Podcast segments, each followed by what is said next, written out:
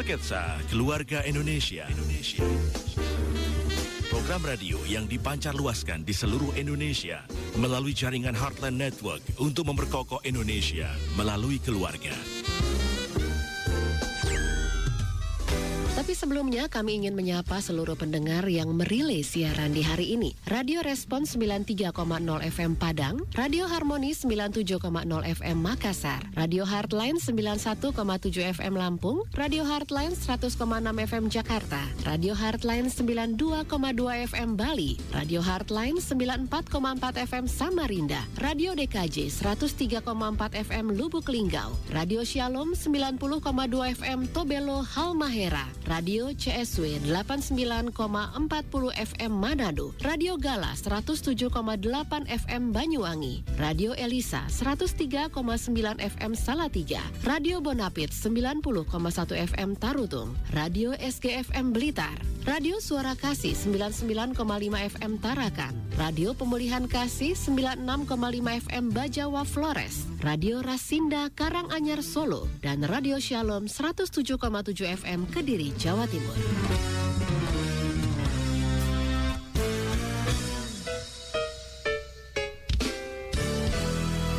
Sketsa Keluarga Indonesia hari ini senang sekali bisa menemani Anda semuanya. Topik kita hari ini janji saya tadi kita akan ngobrol seputar kebiasaan kecil hasil optimal di mana uh, narasumber saya saat ini sudah datang ke studio bagaimana kita bisa membangun kebiasaan-kebiasaan. Kenapa sih banyak di antara kita yang gagal gitu ketika kita ingin membentuk kebiasaan baru karena ternyata katanya kita pasang target yang terlalu besar, kita punya ekspektasi yang terlalu besar sehingga sulit untuk dieksekusi dan akhir-akhirnya menyerah ya. Semoga dengan pembicaraan hari ini bersama dengan narasumber saya Pak Hendri Bun, senior trainer, ghostwriter, juga co-founder PT Mitra Pembelajar, boleh uh, tentunya membangun Anda semuanya untuk bisa mengeksekusi kebiasaan-kebiasaan kecil apalagi sudah kita direncanakan yang sudah kita rencanakan jauh-jauh hari. Pak Hendri sudah bersama dengan saya di studio. Pak Hendri apa kabar? Kabar baik. Iya, sehat Pak Hendri sudah ya? Ya, puji Tuhan sehat-sehat selalu ya. Oke, sehat semuanya. Itu yang paling penting sekarang. Penting sekali ya. Betul. Pak Hendri eh, ber berbicara tentang kebiasaan. Kenapa nih? Apakah memang di hari-hari ini kita perlu membangun kebiasaan-kebiasaan yang mungkin tidak tahu apakah kebiasaan baru atau kebiasaan lama yang memang hmm. harus kita uh, perbaharui lagi. Gimana sebetulnya Pak Hendri? Ya. Uh, sebelum mulai mungkin saya ingin bertanya dulu ya, hmm. mungkin ke Bu Ria dan juga uh, pendengar. Uh -uh. Uh, pernah nggak membuat namanya resolusi tahunan? Dulu, sekarang-sekarang udah nggak pernah. udah nggak pernah ya? Iya. ya. Ini mumpung masih awal Maret kan, masih fresh berarti ya? masih fresh. Ya. Uh, jadi uh -uh. Uh, ya kita memang tergoda untuk membuat resolusi tahunan. Mm -hmm. Jadi selalu setiap akhir tahun kita bersemangat, wah tahun depan saya mau ini, mau itu, mau itu, mau ini, mau itu mm -hmm. banyak sekali itu kan. Tapi kenyataannya uh, rontok. Mm -hmm. Nah, saya saya iseng mencari survei apakah ada survei yang mengatakan berapa lama sih orang bikin namanya resolusi tahunan kemudian rontoknya itu di kapan? Ah, di kapan di, gitu kan? Di bulan keberapa gitu ya, Pak? Kita bercermin gitu ya. Nanti masing-masing coba refleksi pribadi apakah oh ya ternyata benar gitu ya. Nah, paling nggak ada dua survei yang saya ketemu gitu ya. Survei pertama itu tahun 2015 dilakukan oleh Savanta Comres. Jadi hmm. uh, dia sebuah lembaga survei di di London. Jadi 2015 dia melakukan survei terhadap sekitar 2000-an orang uh -uh. Uh, secara online sih, secara online kemudian uh, apa dan dan dan ketika online dia kan mereka kan uh, mem, uh, melontarkan pertanyaan kamu tahun depan punya resolusi apa sih tahun depan punya resolusi apa sih mm. gitu kan jadi dikasih beberapa pilihan okay. dan hasilnya adalah hampir 71 persen orang membuat resolusi yang berhubungan dengan uh, menurunkan berat badan. Hmm. Itu top 10 itu top top one-nya. Top. Ah, Jadi, Jadi tujuh, dari antara top 10 itu top 1. Ah, uh, itu termasuk saya berarti. Nurunin yeah, berat badan. Iya, yeah, uh. itu itu paling besar. Kemudian uh. ada sekitar 47% mengatakan saya ingin hidup lebih sehat. Artinya okay. mereka ingin memperbaiki fisik mereka, olahraga uh. lah itunya uh. ya. Itu uh, nomor kedua dan ketiga itu sekitar 15% mereka mengatakan oh resolusi tahun baru saya adalah saya ingin belajar lebih banyak okay. Jadi belajar upgrade diri yang baru-baru uh, knowledge ah, termasuk okay. ada yang mengatakan saya ingin memperbaiki hubungan dengan keluarga macam-macam uh -huh. gitu kan nah uh, disurvei kemudian uh, apa dengan mo- model tertentu lah gitu ya. Mm-hmm. Akhirnya mereka ketemu. Tahu nggak uh, di kapan akhir kapan resolusi tersebut rontok? Mm. Kapan, Pak? ketemu di minggu kedua bulan Februari. Baru dong. Jadi yeah. 80% mengatakan uh. ketika disurvei lagi kan, uh. mereka mengatakan udah minggu kedua Februari sudah rontok. Okay. Artinya mereka bilang, waduh resolusi tahunan saya itu nggak bisa dilakukan karena berat sekali gitu loh. Terutama yang berkaitan dengan itu kan. Kebiasaan lama kan? Akan membangun kebiasaan baru uh. gitu kan. Jadi jadi sesuatu yang kalau di kita ngomong membangun hal yang baru itu kan uh, uh, melakukannya kan berat yeah. karena harus harus perjuangan. Continue juga kan. Mm -hmm, yeah. Nah itu itu survei 2015 yang pertama. Nah saya cari lagi ketemu yang terbaru. Uh, 2019. Okay. Jadi ada ada sebuah jaringan sosial Strava, Strava. Jadi uh, Strava itu adalah sebuah aplikasi yang yang membuat uh, aplikasi untuk olahraga. Uh. Nah, jadi jadi uh, mungkin hubungan ada ya karena yang karena resolusi paling besar kan uh, menurunkan berat badan, olahraga. Jadi jadi uh, hubungannya ada lah. Jadi Strava hmm. membuat aplikasi itu. Berarti indik itunya masih sama ya Pak ya? Variabel-variabel uh -uh. eh, ternyata masih sama tuh. Ya, top, yang menurunkan top berat badan itu masih sama ya. Oke oke oke.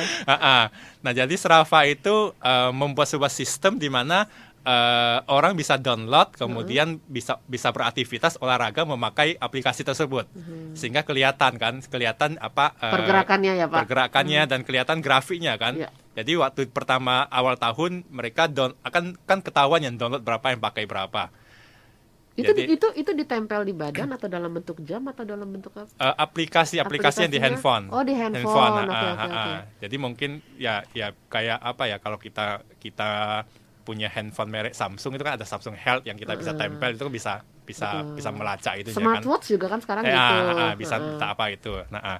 jadi uh, mereka itu uh, melihat pergerakannya. Okay. Nah, waktu awal-awal itu mereka bilang wah semua pada itu, semangat. pada semangat itu uh, kan, semangat semangat dan dan Jadi ketika, semangatnya di Januari berarti ya. Januari, ya. tapi hasilnya ternyata lebih lebih lebih mengerikan itu ya. ya.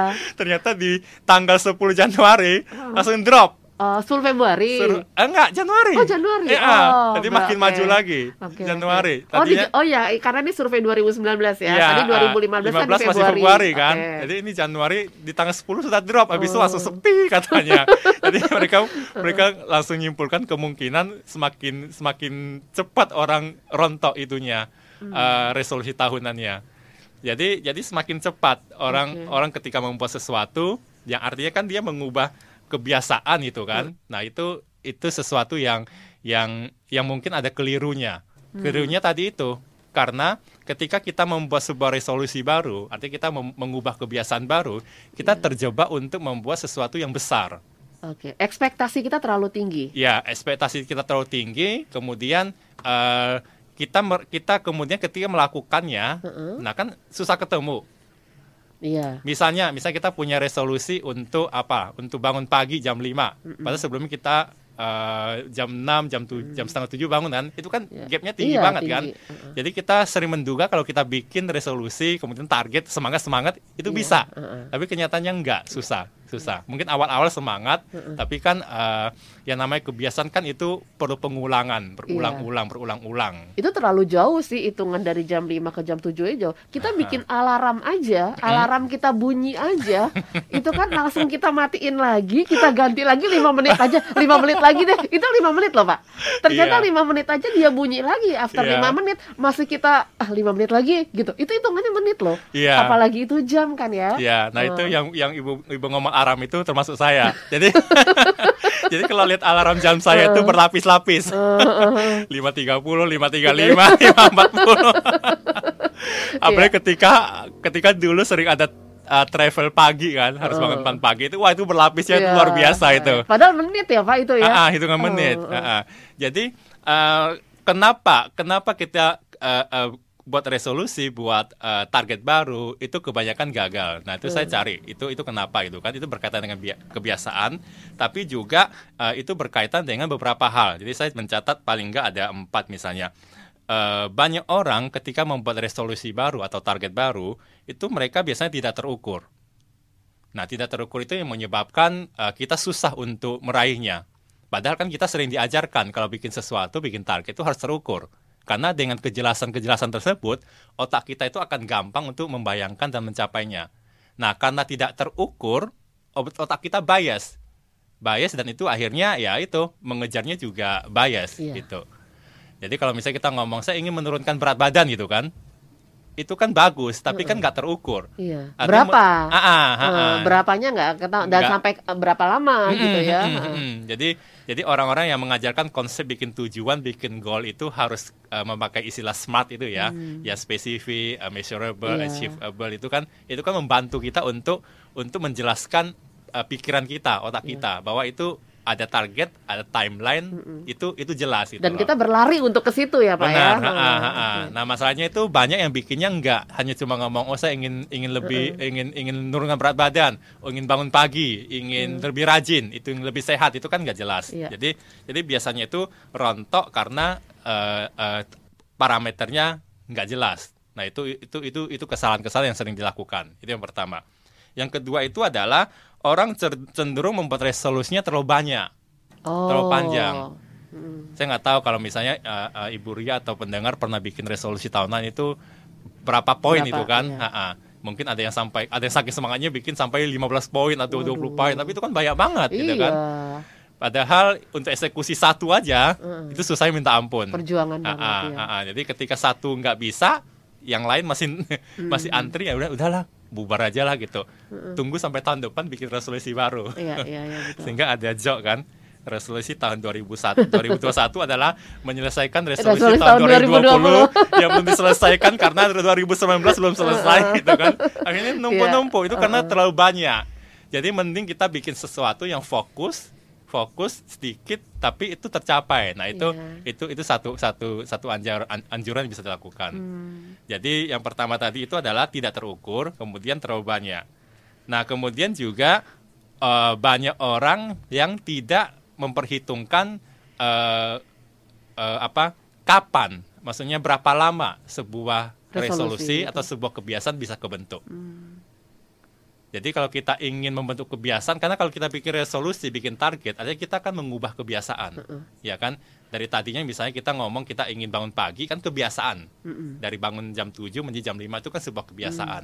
Atau kalau atau kita ngomong kita ingin eh, resolusinya hidup sehat dengan olahraga. Nah itu kan berarti mengubah kebiasaan. Salah satu kebiasaan misalnya kita bangun pagi lari, ya, itu kan kebiasaan juga. Nah hanya orang orang eh, eh, lupa bahwa untuk memb- membangun sebuah kebiasaan itu ada jangka waktunya sampai sampai bisa jadi. Jadi yang jadi pertanyaan adalah berapa lama sih kita ketika ingin membuat sebuah kebiasaan baru dan itu bisa jadi. Nah itu itu itu banyak orang yang yang lupa ada indikator tersebut.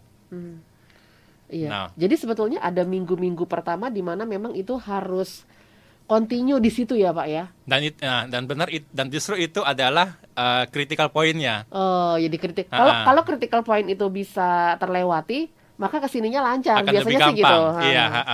Nah, masalah itu adalah ketika orang berjual di critical pointnya, Hmm. orang gampang menyerah. Kenapa? Karena belum jadi kebiasaannya. Iya. Dan orang merasa berat. Nah, itu yang membuat oh, akhirnya orang menyerah. Dan kalau kita ngomong kalau ingin buat kebiasaan baru, nah itu nggak jadi.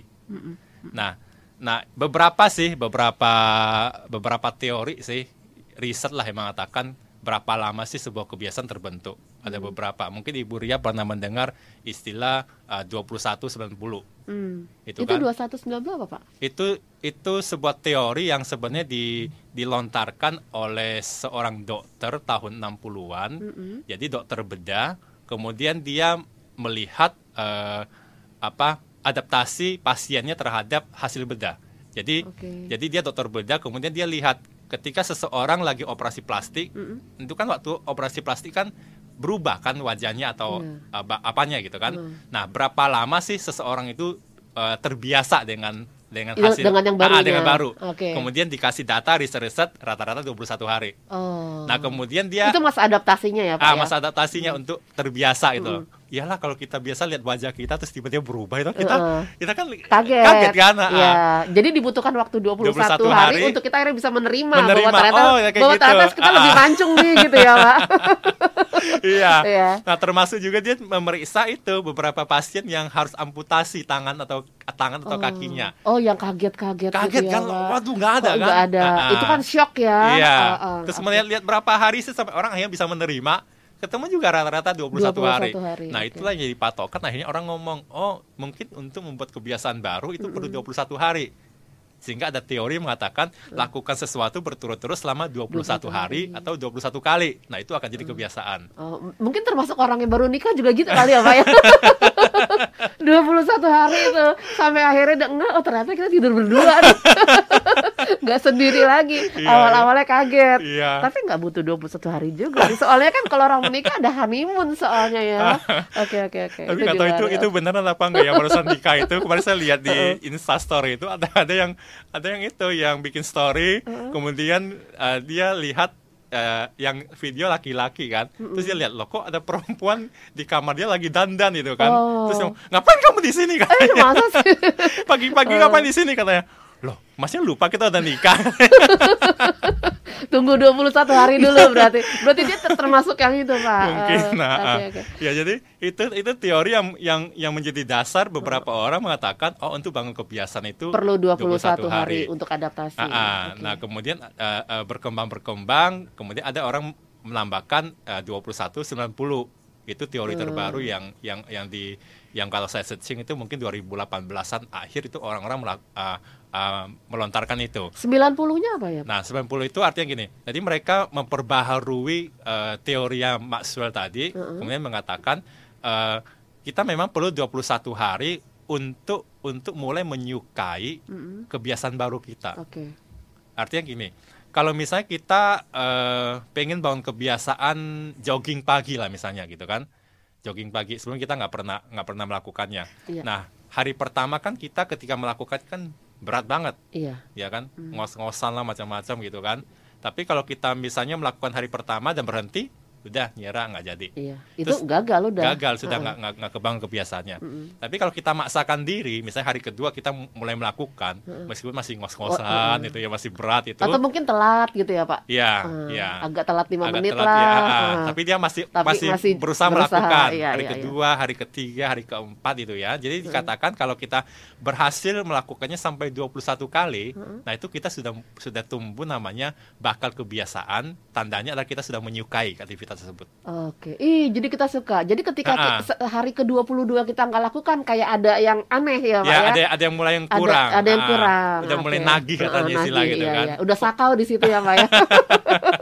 Nah itu kan fenomena orang yang ke gym kan, beberapa orang itu kan, aduh kayaknya gua kok ada yang kurang, nih, ah, ada yang uh, kurang gitu kan. Nah uh. itu karena karena nggak melakukannya. Iya, Jadi iya, iya, 21 itu dikatakan orang sudah mulai suka.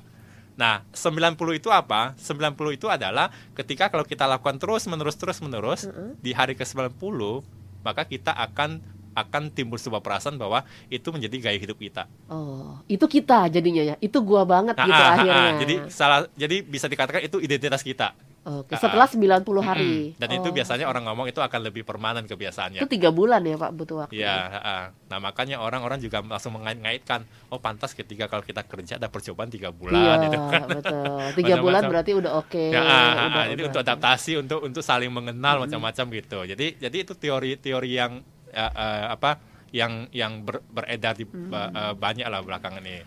Tapi juga ada teori kedua yang mengatakan oh 21 21 nggak cukup. Jadi eh, dasar teori 21 itu kan tahun 60-an waktu Dr. Maxwell yang meneliti itu kemudian dia eh, eh, bukan J.W. Maxwell ya, tapi Maxwell Maltz itu dokter salah satu dokter dia menulisnya di bukunya yang ber- yang berjudul eh, Psycho Cybernetic itu bukunya itu. Nah, itu kan 60-an. Nah, kemudian tahun eh berapa ya sebentar saya lihat catatannya Iya. tahun 9 eh 2009 ya 2009 berarti 12 tahun yang lalu nah itu Sebelum survei yang 2019 tadi dong berarti. ah, ah, Oh, ah, iya, ah, iya, ya. iya. tadi kan eh, Maxwell Iya. kan yang itu 60 kemudian 2019 kan orang memperkuat Iya, sur- teori dengan itu. survei barunya hmm. ya.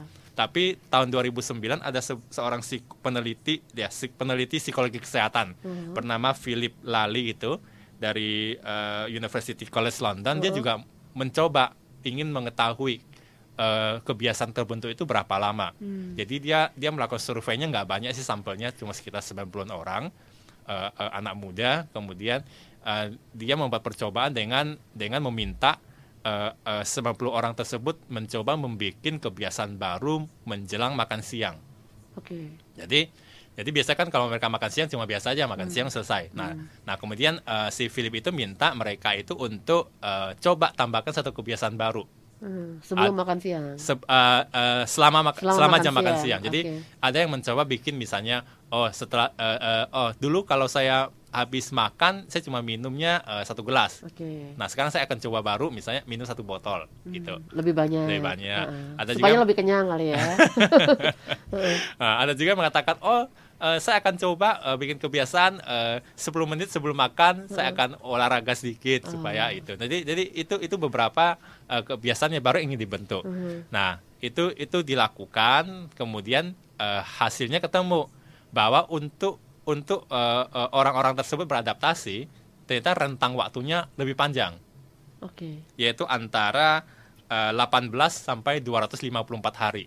Hmm, panjang sekali. Panjang ya? sekali kan? Ha, banyak sekali tapi tapi ada rata-ratanya karena rata-rata itu adalah sekitar 66 hari. Hmm. Jadi jadi dia dia akhirnya mengeluarkan teori ya udah untuk bangun kebiasaan supaya jadi itu 66, 66 hari. hari. Karena dapat rata-ratanya segitu. Ha, ha, ha, ha. Nah, tergantung kebiasaannya besar apa kecil katanya. Hmm. Kalau besar dan berat itu mungkin sampai 200-an hari. Hmm. Tapi kalau kecil ya mungkin 18 hari jadi hmm. atau 21 hari jadi, mungkin 30 hari jadi, tapi rata-rata 66. Hmm. Jadi jadi itu uh, apa itu uh, uh, hal yang mungkin kurang kurang disadarin banyak orang bahwa ketika kita buat resolusi ingin bangun kebiasaan baru itu perlu waktu segitu lama loh mm-hmm. jadi jadi bukan ujuk-ujuk kita ngomong saya ingin ini besoknya langsung jadi enggak mm-hmm. karena itu perlu perlu waktu yang agak panjang Iya. Nah kesadaran itu yang sering nggak muncul sehingga orang ketika beresolusi eksekusi satu dua hari gitu ya, iya. terus merasa aduh berat, aduh susah, ya udah rontok.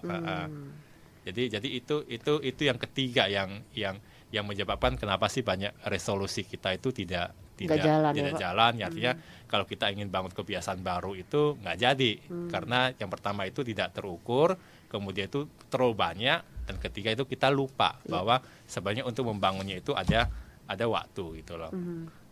Nah, untuk kita berjuang pada masa critical uh, point tadi, hmm. Hmm. apa sebetulnya yang harus kita tanam dalam pikiran kita itu? Hmm. Nah, yang harus kita tanam itu sebenarnya kita mereframing. Uh, saya sering ngomong alam bawah sadar kita, hmm. gitu ya. Salah satunya ya, reframing alam bawah sadar kita. Jadi gini, uh, Bu Ria mungkin sudah sering dengar ya, alam bawah sadar kita kan lebih berpengaruh dari yeah. dibandingkan alam sadar kita. Mm -mm. Jadi orang mengatakan uh, mungkin 80% perilaku kita itu dipengaruhi oleh alam bawah sadar mm. kita. Dan sebuah survei dari uh, Duke, Duke University saya kira tahun berapa saya saya coba cari lagi tapi di, mereka melakukan survei mengatakan bahwa sekitar 45% aktivitas yang kita lakukan hmm. itu sebenarnya kebiasaan yang sudah tertanam di alam bawah sadar kita. Hmm. Jadi aktivitas-aktivitas seperti kita bangun, jalan, yeah. atau kalau bisa kita gosok gigi, kita makan, itu kan aktivitas-aktivitas yang kita ngomong sudah relatif terbentuk, kita ah, iya. kita nggak pikir lagi iya. untuk melakukannya otomatis itu gitu kan? otomatis nah uh. nah itu aktivitas-aktivitas yang sebenarnya sudah tertanam di alam bawah sadar kita mm -mm.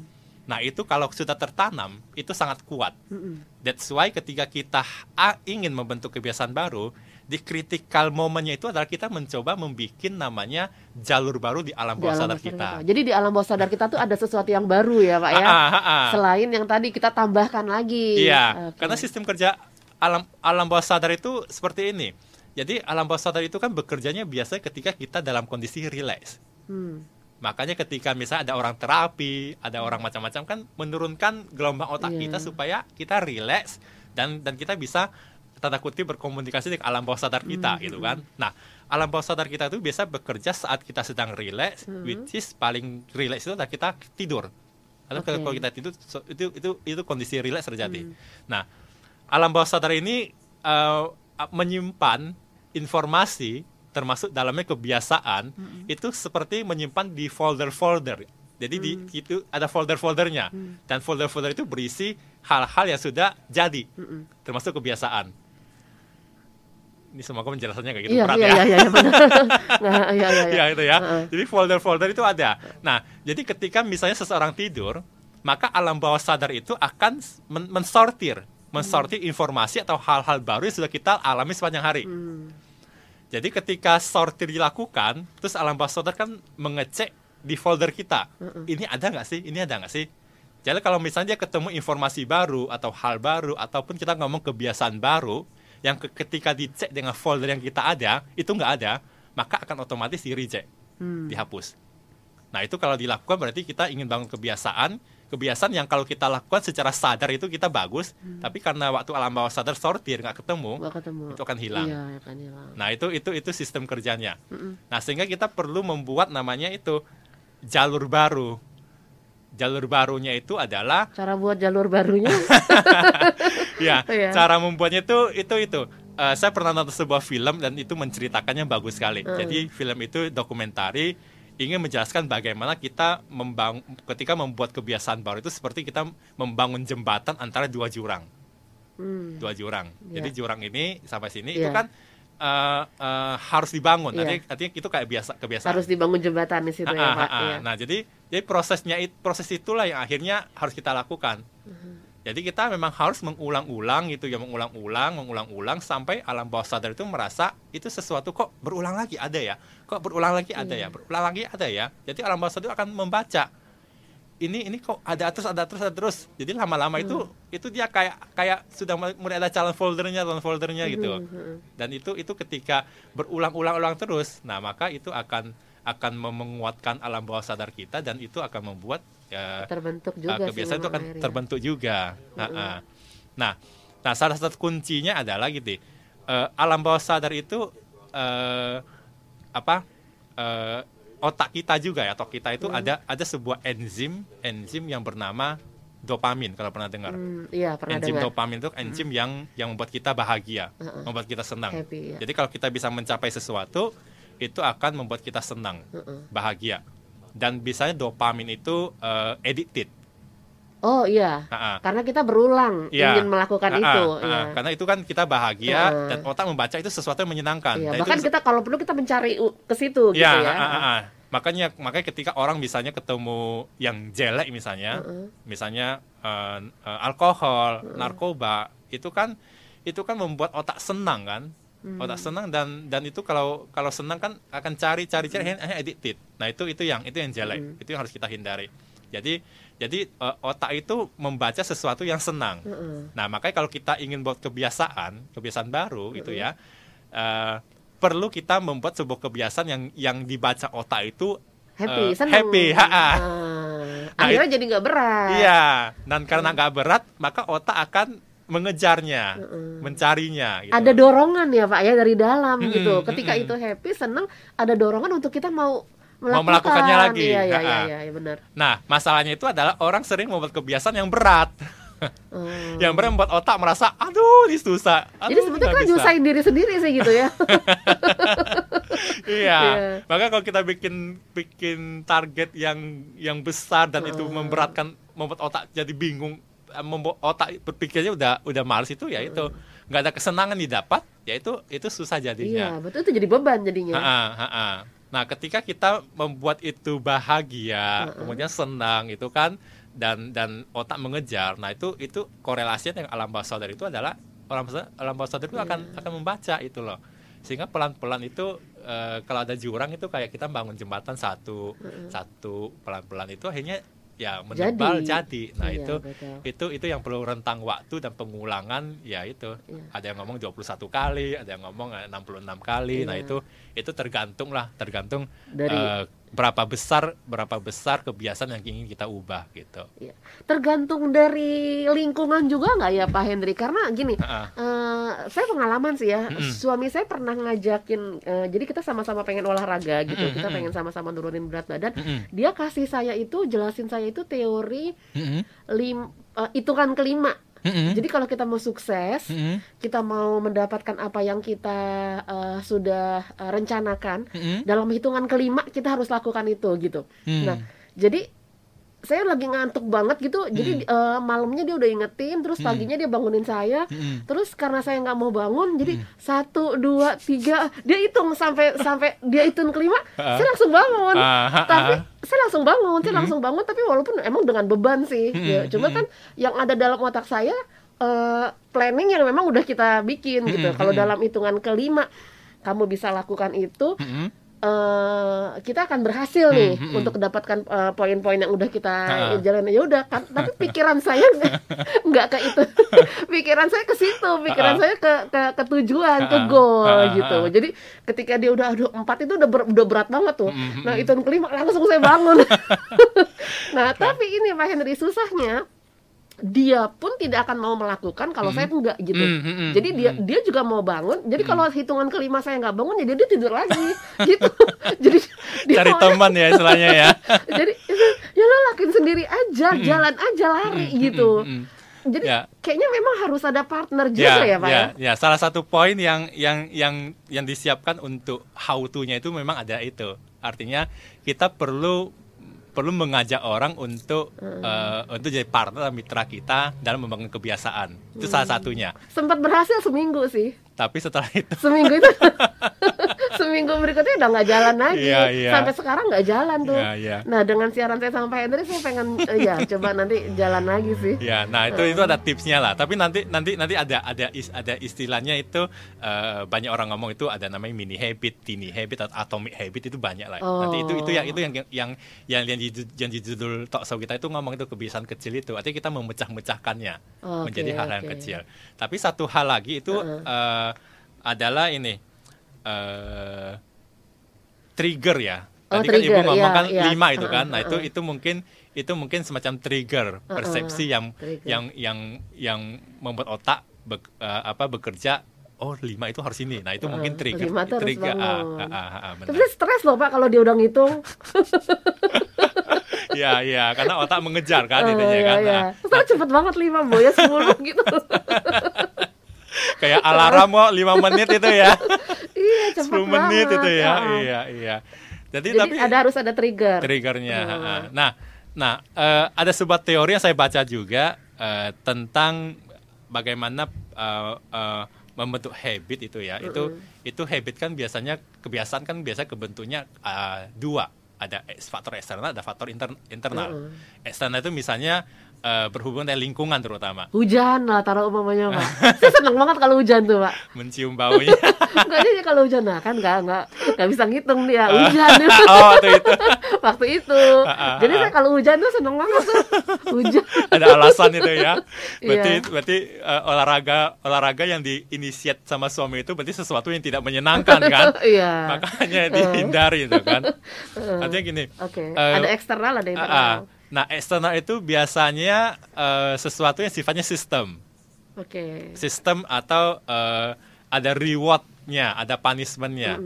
Makanya makanya kenapa misalnya orang sering ngomong kan, kita kalau ke Singapura kita bisa bisa bisa bisa punya kebiasaan yang bagus ya antri, tidak antri tidak buang kemudian sampah, tidak meludah sembarangan. Itu kan karena sistemnya sudah kebentuk. Artinya kalau kita melanggarnya, Kita kena maka sanksi. kita kena sanksi. Itu itu kita takut karena sanksi kan Iya, ha, ha. Nah, sementara kalau kita balik ke sini kan akhirnya Kebiasaan pertama, itu kembali lagi, ke awal kebiasaan lagi. jeleknya. Nah, itu itu faktor eksternal yang yang memang bisa membuat kita eh, membangun kebiasaan, Hmm. tapi karena itu karena karena itu bukan dari dalam kita, biasanya nggak permanen.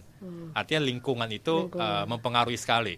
kayak pandemi inilah ya pak ya Ah, kita ah. pakai masker gitu Mm-mm, kan mm-mm. itu kan karena sistem juga kan Ya, ha, ha. karena kita sistem terus karena lihat lingkungan juga banyak Ya. teman-teman juga yang terpapar eh, dan walaupun kita belum gitu lah Mm, taruh mm, mm, cuma karena lingkungan sudah sistem sudah terbentuk juga akhirnya itu j- Mm-mm. mengharuskan Ya, sistem gitu. dan juga ketakutan kan. Ah, sistem dan itu, ketakutan. Padahal kalau sudah lewat ya hilang lagi gitu kan. Hmm. Ya itu itu itu itu faktor eksternal yang bisa membuat kita eh, muncul sebuah kebiasaan, baru Kebiasaan. dan itu biasanya nggak kuat. Oh Nah oke. yang kuat itu adalah dari dalam diri kita. Dari dalam diri kita artinya kita memang punya niat. Hmm. Jadi jadi jadi nggak nggak terpengaruh dan Yang- niat dan niat dulu berarti ah, punya niat untuk melakukannya. Dan yang membuat kita bertahan itu adalah ketika kita bisa melihat reward apa yang bisa kita dapatkan ketika kita melakukan itu. Hmm, iya. Dan reward itu biasanya menyenangkan. Mm. Nah, itu itu itu yang harus kita perjelas.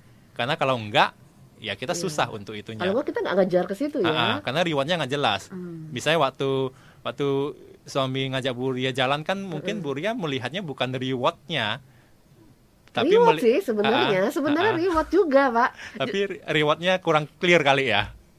Clear juga tapi ya. Clear sebenarnya, sebenarnya clear dan apa ya?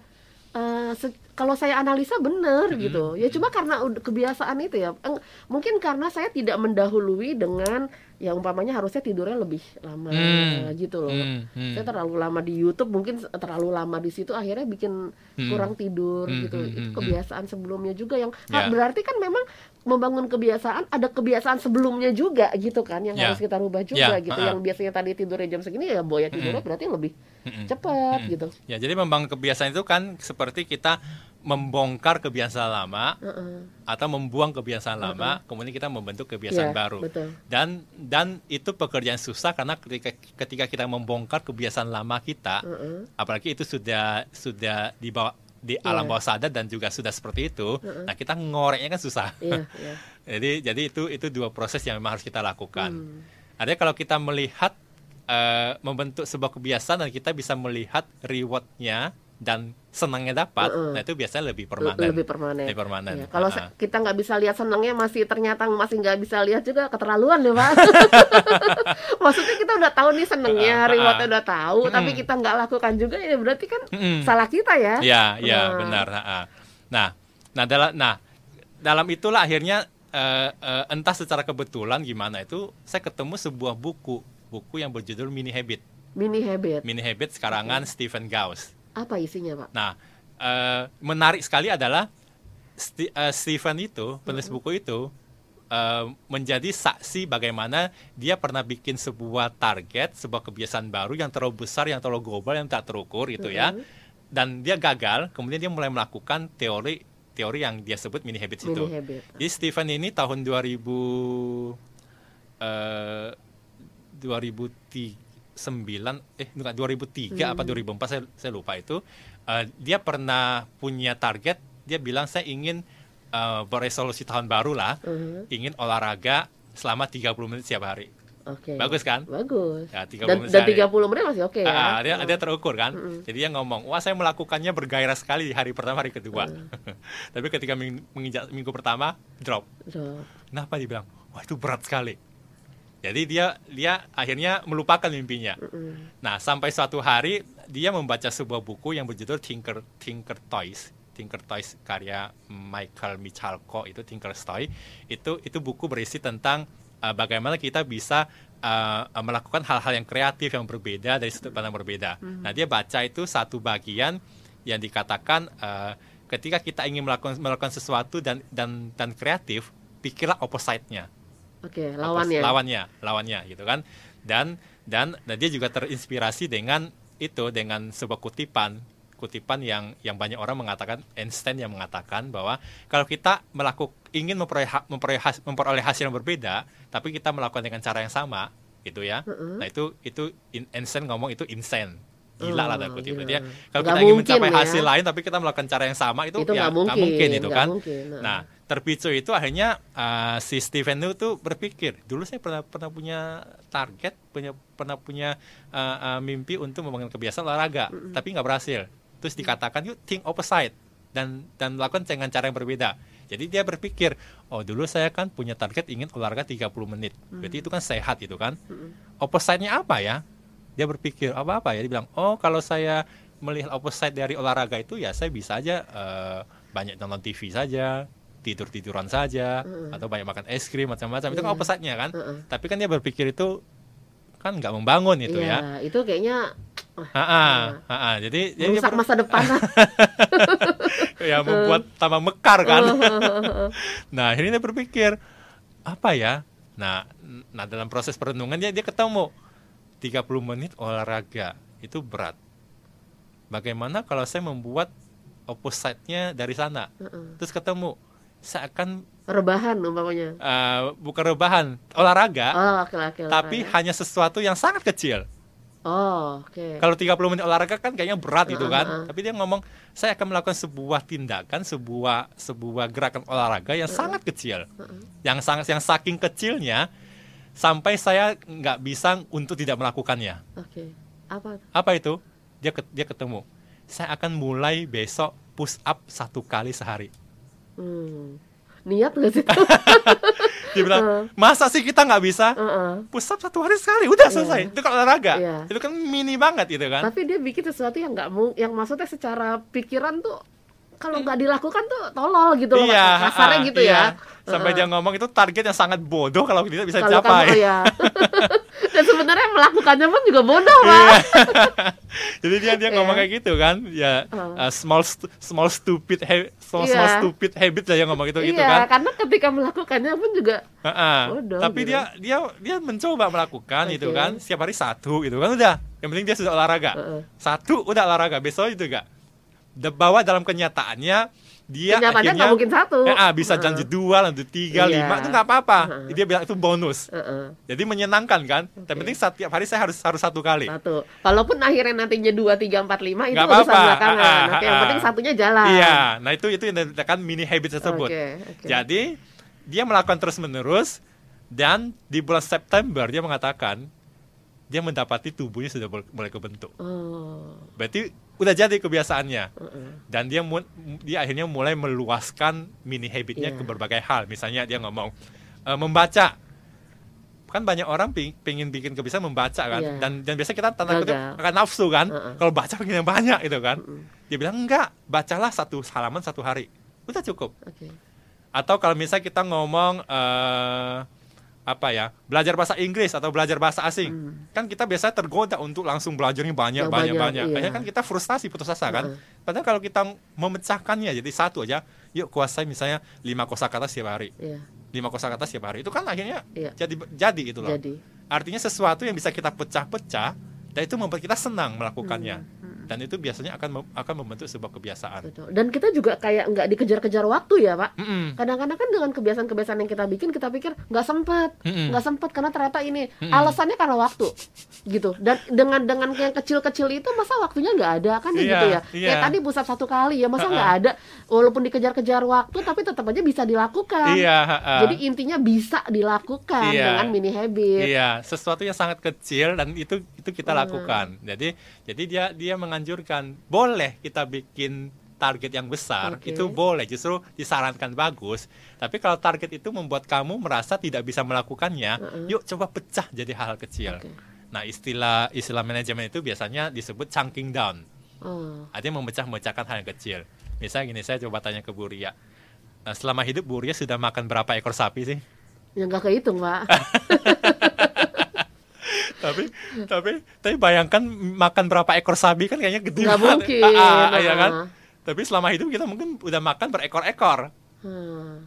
Iya, Kan bisa jadi. sehari makan Iya. berapa potong kecil. ah, ah, kecil. Rendang satu, Ah. ah, dua hari lagi makan rendang lagi Ah, ah. satu. Jadi kalau iya. dikumpulkan kan jadinya berapa ekor Iya, juga akhirnya kan iya, mungkin iya. berpuluh-puluh ekor ya bilang nggak sadar tapi kalau kita ngomong makan sapi berapa ekor gila kali gitu ya nah itu namanya chunk- chunking down jadi kalau kita bisa memecah-mecahkannya menjadi hal-hal yang kecil dan kita bisa melakukannya dengan menyenangkan nah itu itu disebut mini habits atau orang-orang ngomong tiny tiny habits atau ya sampai ada bikin atomic atoman kecil banget Mhm. atomic habits yang, yang dikatakan ketika kita melakukannya dan itu itu membuat kita menyenangkan maka kebiasaan baru itu akan akan akan bisa kebentuk jadi jadi itu itu itu Oke. salah satu tips yang yang bisa dilakukan sehingga kalau kita bikin resolusi baru atau bikin target baru pastikan kita bisa melihatnya sampai hal yang kecil, yang bisa Kecil. kita lakukan Hmm, Oke, ada survei juga nggak Pak yang dilakukan terkait dengan mini habit tersebut?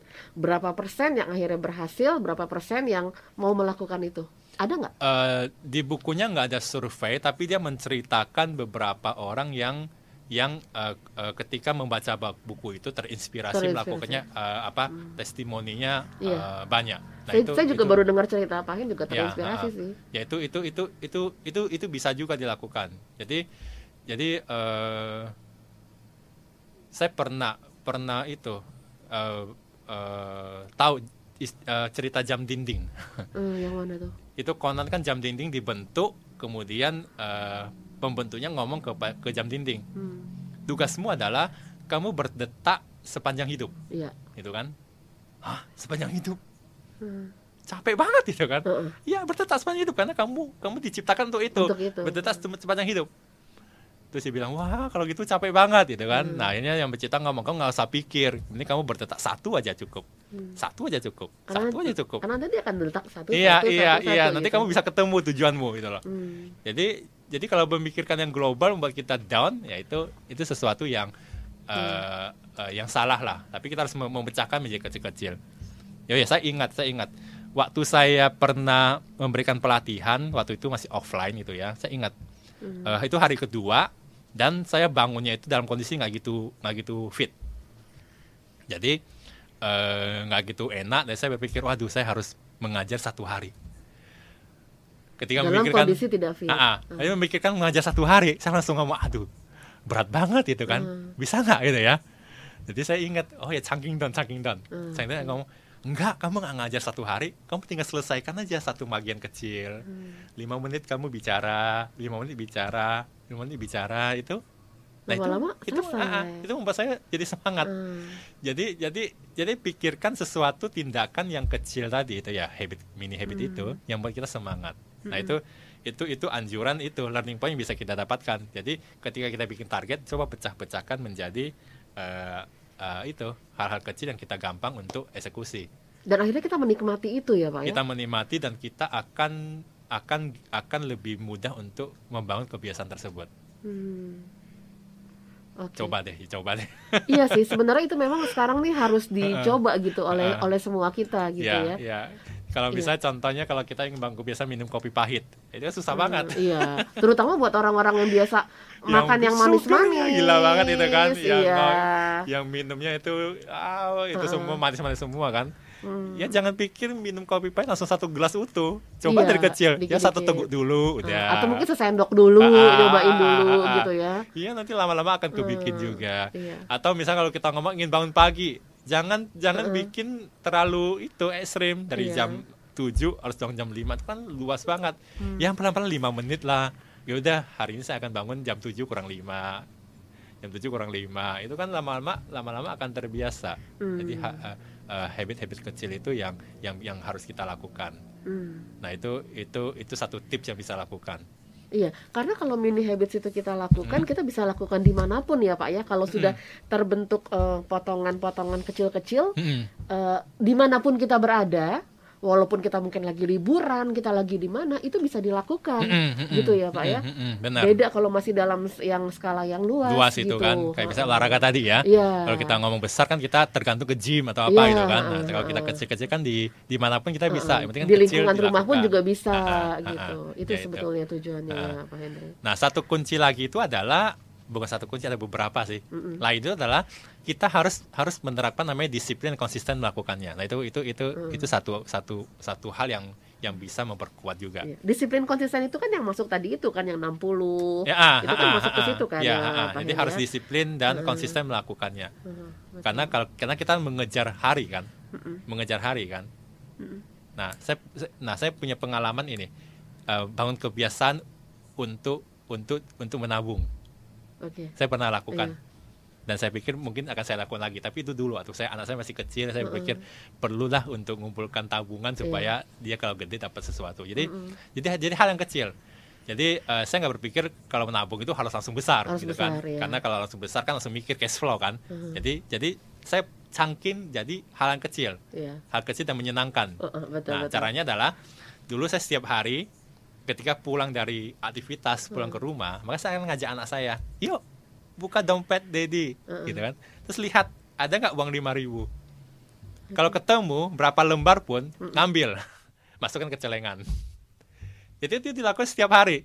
Setiap hari setiap hari. Iya. Pokoknya setiap hari pulang ngajak yuk buka buka dompet. Lihat. Kalau ada 5.000, Ibu ngambil, ta- ambil. nah, ambil ketemu. Kalau nggak ada ya udah. Berarti nggak ada gitu kan. Heeh. nah itu itu itu kebiasaan yang kebentuk Iya, iya. kebentuk sampai sampai satu saat itu anak saya yang nagih Oh. ketika saya lupa gitu kan Dia dia nyari Ah, lima ah. ribunya. mana yuk yuk mana gitu dia dia exciting gitunya Itu kalau udah kita anggap itu nggak ada, ketika satu tahun tiba-tiba kita ngelihat itu itu seneng banget tuh pak karena jadinya banyak kita kan Nabung Pak, ya kalau itu Iya, ya? nabung Iya, iya iya, iya. saya juga baru kejadian kemarin baru kejadian ah, kemarin eh, masalah tabungan juga saya juga Ah. pengen nabung udah kepikiran aduh kayaknya saya harus nabung nih tapi kayaknya harus dari kecil-kecil nggak tahu kenapa tiba-tiba datang salah satu staff yang ngurusin koperasi kantor kemarin ah. saya nggak pernah Ah, ah. tuh yang namanya nabung-nabung di koperasi tapi dulu pernah dan ah. ternyata saya ngerasain manfaatnya Mm-mm. karena saya ngerasa saya nggak bisa nabung di tempat lain saya nggak bisa nabung sendiri pak mm. Tiba-tiba kemarin datang masuk ke ruangan sini. Eh lu mau Terus? nabung koperasi lagi dong. Mau. Eh jadi boleh boleh. Kayaknya gua harus nabung di sini deh. Kalau gua nabung di luar nggak bisa gitu. Mulai lagi kemarin tuh pak Iya. kayaknya ntar saya harus nabung di sini Dan itu kecil dan menyenangkan iya itu ya. karena kecil menyenangkan dan kita nggak tergoda juga untuk ngambil-ngambil Iya. beda kalau kita simpen di tabungan kita sendiri gitu kan Iya. selagi masih ada ada ATM Iya. ngambil tapi Iya. kalau ini males banget urusannya kan kantor ah, ribet ya. ribet iya benar benar. Ah, ah. Iya. Makanya saya itu bagian Nah, juga saya ya ingat kok eh, beberapa mm, apa ada satu marketplace yang yang mengajak eh, usernya untuk nabung dengan Hmm, dengan kecil-kecil banget. kecil-kecil. Jadi mereka bikin program eh, beli reksadana tapi hanya dengan sepuluh ribu bisa beli. Hmm. Tapi Tapi sistemnya setiap hari eh, enggak Oh, bisa kita pilih setiap setiap minggu biasanya. Setiap Hmm. minggu dia akan otomatis potong, setiap otomatis Oh, potong. da- kita, ah. dia ngedebit, dia Iya, ngedebit ah. gitu ya. Tapi itu lumayan kan, lumayan Iya kan. Akhirnya, sih. akhirnya itu itu kan mengajar orang untuk membuat kebiasaan nabung gitu kan. Nah itu investasi lah, itu kan Hmm. Iya. sesuatu yang bagus juga. Iya. Jadi Betul dan itu harus kita lakukan dari ya, sekarang gitu disiplin ya. dan konsisten. Mhm. Disiplin konsisten mengeksekusinya ngejar lah paling enggak yaitu 21 hari atau Iya. 66 hari itu kita kejar. Akhirnya jadi kebiasaan. Iya. Nah, satu juga itu yang harus kita lakukan itu adalah kita perlu mencatat progres. Mencatat progres. Caranya cara catat progresnya? Karena progres itu menyemangatin. iya sih, cara benar. ah, kita lihat progres menyemangatin. Nah, disarankan juga salah satu caranya itu adalah kita kita pakai kalender. Oke. Entah kalender meja atau kalender Atau di dinding. handphone ya, Pak? Handphone disarankan tidak karena nggak kelihatan. Oh, Jadi harus yang jadi kelihatan. harus yang kelihatan. Mm-mm, yang kelihatan. Yang dicoret-coret itu ya, Pak? Iya. Nah, jadi kalau misalnya kita punya kalender kalender Heeh. tahunan itu, Heeh. ketika satu hari melakukan silangin. Coret, Nah, iya. lakukan silangin. Iya. Itu- Akhirnya seneng ya, Pak? Itu Iya. menumbuhkan semangat ya. Mm, mm, mm, mm. Karena kita lihat, uh, satu lagi, satu lagi kan. Dan kalau ada yang nggak kecoret, kita ini kenapa nih Ah, gitu ya, ah, ya? ah, ah. Ah, itu menjadi exciting dan Uh-huh. itu kita kita tergoda untuk membuat rekor loh. Heeh. Ah, ah, rekor bisa nggak Supaya sih? kecoret semua. Iya, ah, nah itu Oke. itu salah satu penyemangat juga untuk untuk kita lakukan. Masa sih up satu hari sekali nggak bisa gitu kan? Hmm. Ya. Satu, satu, satu. Nah itu itu itu sebuah progres yang bisa kita lakukan. Oke, nah kalau sudah kesilangan semua gitu Pak, Nah, nah kalau sedang sudah kesilang sambung kan berarti kan kita sudah sudah melihat kan? Heeh. Berarti berarti kita uh, evaluasi habitnya jadi evaluasi. nggak, kebiasaan jadi nggak. oke, Harusnya harusnya kalau Harusnya- kita kita melihat itu sudah tercoretnya banyak, harusnya jadi. harusnya jadi. Salah satu tanda itu itu tadi itu tubuh nagi, Heeh. tubuh nagi. Kalau Iya. kita nggak lakukan, nah itu tubuh akan nagi. Ih kamu hari ini belum loh, hari ini belum loh. Dan apakah otomatis setelah kita mengevaluasi itu karena itu sudah jadi, itu udah jadi semuanya, Hmm. ada peningkatan gitu ya Pak ya? Mm-mm, peningkatan Udah. dalam dalam Dalam- kebiasaan baru yang iya. kita bentuk kan. Mm-mm. Misalnya uh, Kebiasaan kecilnya lebih lebih gede nih. ya gitu secara ya. otomatis akan akan akan lebih gede sehingga Mm. kita bisa membuat mini habit tersebut extend ke lebih lebih gede. Iya. Tadinya misalnya kita ngomong eh, saya ingin membangun kebiasaan menulis lah gitu ya, menulis mungkin orang ngomong menuliskan wah susah banget itu ya. Tapi nulislah satu hari 10 kata atau atau atau yang gampang deh eh, belajar kosakata baru. Hmm. Satu hari mungkin kita hafal lima, hafal lima, sudah hafal lima coret, hafal lima coret, Coret. hafal lima coret. Nah itu itu kan jadi. Eh, kalau jadi, jadi salah satu tandanya itu adalah kita itu akan tergoda untuk menambahkan. Mm-mm. Tadinya kalau kita misalnya cuman hafal lima, mungkin kita sudah tergoda untuk hafal 10. Mhm. Nah itu kalau sudah terjadi, berarti itu kebiasaannya jadi. Kalau nggak tergoda, Kalau nggak tergoda, berarti kita memang masih berjuang untuk oh membuat itu oke. jadi. Berarti kita masih berjuang. Ah, kalau masih itu tidak jadi, tergoda. Oke. Ya, sampai satu titik pasti kita akan tergoda untuk untuk menambahkan sesuatu yang yang kita ngomong jadi target awal kita. Nah, jadi jadi pecah-pecah sehingga sehingga kita ngomong resolusimu apa, targetmu apa gitu ya. Kita kita bisa menjelaskannya dan kita bisa mengeksekusinya lewat hal-hal kecil. Iya betul. Dan kita nggak takut lagi tahun berikutnya kita bikin resolusi. Kadang-kadang kalau kita udah rontok sebelumnya, hmm. bikin yang berikutnya kita udah ah yang ke mana aja nggak nggak berani. Gue bikin yang resolusi-resolusi, jalanin aja deh kayak yeah. air aja deh. Kalau kayak gitu kan akhirnya kita jalan di tempat ya pak ya. Ya nggak usah resolusi resolusi resolusi. resolusi. Ya itu itu kan yeah. itu kan berarti uh, sinyal frustasi kan. Iya iya frustasi. Karena ingin membentuk nggak jadi, nggak hmm. ingin membentuk nggak jadi itu. Nah saya menduga banyak sekali yang yang mengalami hal seperti itu karena itu. Iya, karena ekspektasinya terlalu uh, besar, terlalu, terlalu banyak juga resolusi uh, uh, yang dia bikin ya. ya. Uh, uh, uh. Terus tidak terukur juga ya, Pak. Yang tadi yang tadi Anda katakan beberapa poin itu tidak terukur, terlalu panjang segala macam. Uh, uh, uh, Ya. Oke Pak Hendri udah satu jam ternyata kita ngobrol Gak ada jeda loh Iya ya, Oke baik Pak Hendri uh. Mungkin ada pesan yang ingin Anda sampaikan nih Kebiasaan kecil hasil optimal Untuk seluruh yang ya. mendengarkan kita hari ini Ya jadi jadi uh, Saya coba rangkum obrolan kita itu hmm. ya Jadi coba sedikit sambil resum, resume hmm. itu ya Jadi uh, Lao Tse pernah mengatakan kan Kutipan Perjalanan satu mil itu selalu dimulai dengan satu langkah ya. Nah beratnya itu adalah ketika kita mulai satu langkah itu biasanya uh. berat awalnya awalnya berat itu nah sama seperti membangun kebiasaan itu beratnya itu di awal doang hmm. nah tapi tapi itu sesuatu yang harus kita lewatin ya.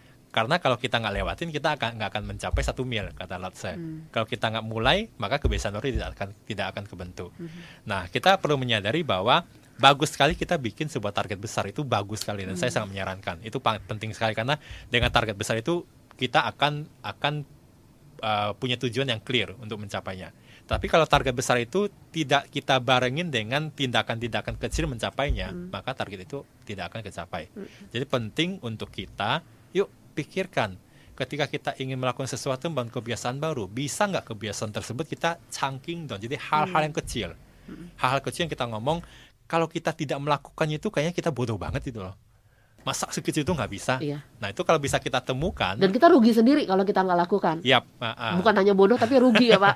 Iya. uh. Dan kalau kita lakukan itu kan, itu itu akan memberikan kesenangan pada kita uh. dan kita catat progresnya gitu ya. Dan yakin deh itu itu akan bergulir bergulir seperti bola salju. Nanti kita akan dapatin bangun kebiasaan baru itu ternyata sesimpel itu doang gitu loh. Nah kuncinya itu adalah kita membuat itu senang gitu ya karena mm. tadi otak tadi itu kan mm -hmm. membuat dopamin kita bekerja sehingga kita nagih dan itu kalau dilakukan kecil kecil kecil ya udah lama-lama itu akan jadi besar yeah. dari ya, kan peribahasa kan menabung kan kecil-kecil lama-lama jadi gunung jadi kan nah, nah itu oh bukit ya kan saya gunung ya berarti lebih besar lagi lebih besar lebih lagi, lagi ya. iya iya iya iya okay, jadi baik. jadi itu itu sesuatu yang saya pikir coba deh kita kita refleksi teman kita coba bikin planning untuk itu uh -uh. dan dan kalau ada yang ada yang melakukan ada ada yang berhasil lah kita ikut senang lah uh -uh. karena saya juga ingin uh. ingin memecah-mecahkan itu juga iya. dalam diri saya. Oke berguna sekali tentunya menginspirasi juga obrolan saya bersama dengan Pak Hendri Bun hari ini. Thank you Pak Hendri. Thank you juga. Iya baik terima kasih Anda yang sudah mendengarkan dan terlewat siaran hari ini silakan bisa saksikan lagi melalui channel YouTube di Heartland Network. Kebiasaan kecil hasil optimal bersama bersama dengan Henry Bun, Senior Trainer, Ghostwriter, Co-founder PT Mitra Pembelajar.